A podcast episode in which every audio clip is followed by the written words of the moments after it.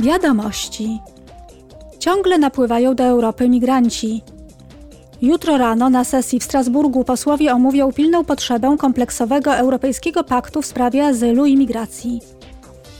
W ciągu ostatnich miesięcy toczyły się intensywne negocjacje w tych kwestiach między europosłami i rządami krajowymi. Chodzi o autentyczną solidarność i podział odpowiedzialności za bardziej sprawiedliwe zarządzanie migracją. Również w Strasburgu europosłowie będą debatować z Radą i Komisją nad wnioskiem o przedłużenie zezwolenia na stosowanie glifosatu w Unii o 10 kolejnych lat. Glifosat jest najczęściej stosowanym pestycydem zarówno na świecie, jak i w Unii.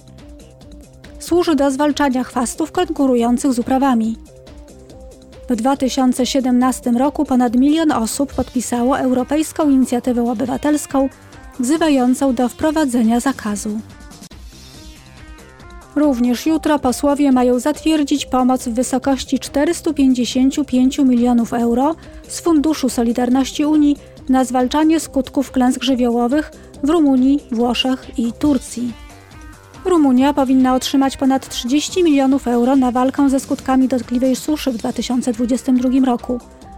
Włochy 20 milionów euro na naprawę szkód spowodowanych powodzią we wrześniu zeszłego roku, a Turcja 400 milionów euro na pomoc w odbudowie po dwóch poważnych trzęsieniach ziemi w lutym 2023 roku.